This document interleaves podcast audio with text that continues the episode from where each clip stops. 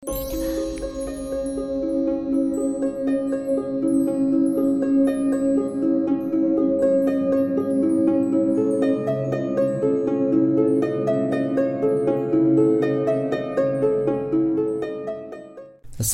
warahmatullahi wabarakatuh. Salam sejahtera untuk kita semuanya.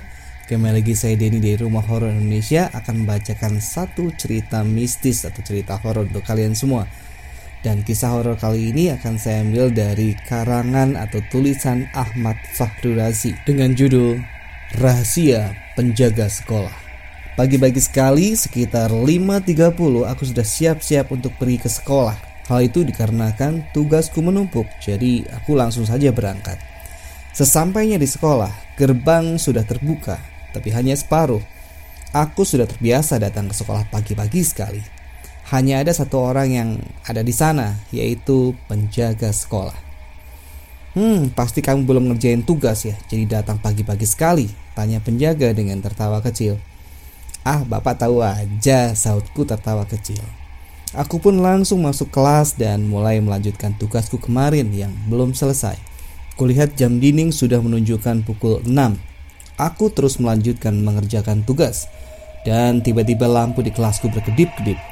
Ah, mungkin cuma korslet karena tikus ucapku dalam hati. Dan tak beberapa lama aku mencium bau busuk di dalam kelasku. Suasana menjadi sangat menyeramkan. Tetapi kuberanikan diriku untuk fokus mengerjakan tugas Tiba-tiba terdengar suara tangisan perempuan. Aku pun menjadi tidak fokus lagi mengerjakan tugasku. Tidak biasanya terjadi hal aneh seperti ini, padahal aku sering pagi-pagi sudah di sini. Apa mungkin ada kaitannya dengan gadis yang hilang selama tiga hari yang lalu? Ucapku dalam hati.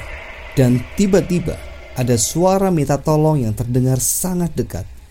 Kuberanikan menoleh ke belakang dan ternyata ada sosok perempuan yang mengerikan memakai baju seragam sekolah. Tolong aku, tolong kuburkan jasadku dengan layak. Aku sudah dijati secara seksual oleh penjaga sekolah dan dibunuh. Jasadku berada tepat di bawah kelas ini, ucap sosok perempuan itu. Aku pun terdiam dan tiba-tiba sosok itu menghilang. Maaf ya teman-teman, bahasanya saya haluskan supaya tidak terlalu vulgar. Oke, kita lanjutkan ceritanya. Jam sudah menunjukkan pukul 6.45 dan para pelajar lainnya sudah berdatangan dan bel berbunyi. Kami semua mengikuti pelajaran walaupun aku tidak fokus karena kejadian tadi pagi. Tak terasa jam menunjukkan pukul 14.25. Saatnya siswa pulang sekolah. Aku mengajak sahabatku Zaya untuk membahas masalah ini di rumahku. Hei, lo mau nggak ikut aku malam ini masuk ke sekolah? Tanya aku dengan serius. Ngapain bro malam-malam masuk ke sekolah? Jawab saya dengan kebingungan. Aku pun menjelaskan semuanya kepada sahabatku itu. Dan dia mau membantuku memecahkan misteri tentang siswi yang hilang tanpa jejak itu.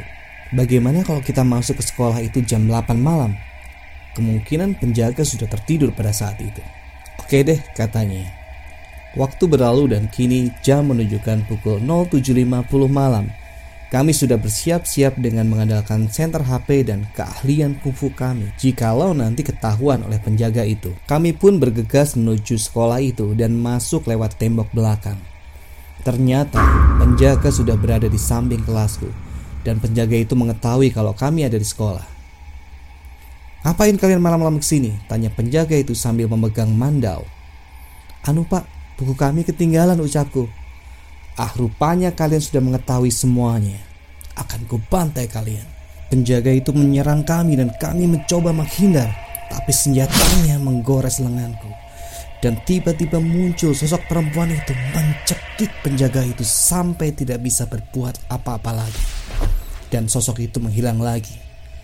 Tanpa basa-basi kami ikat penjaga itu dan kami minta pertolongan warga untuk melapor polisi Tak lama polisi berdatangan dan langsung menangkap penjaga itu dan berhasil menemukan mayat perempuan itu.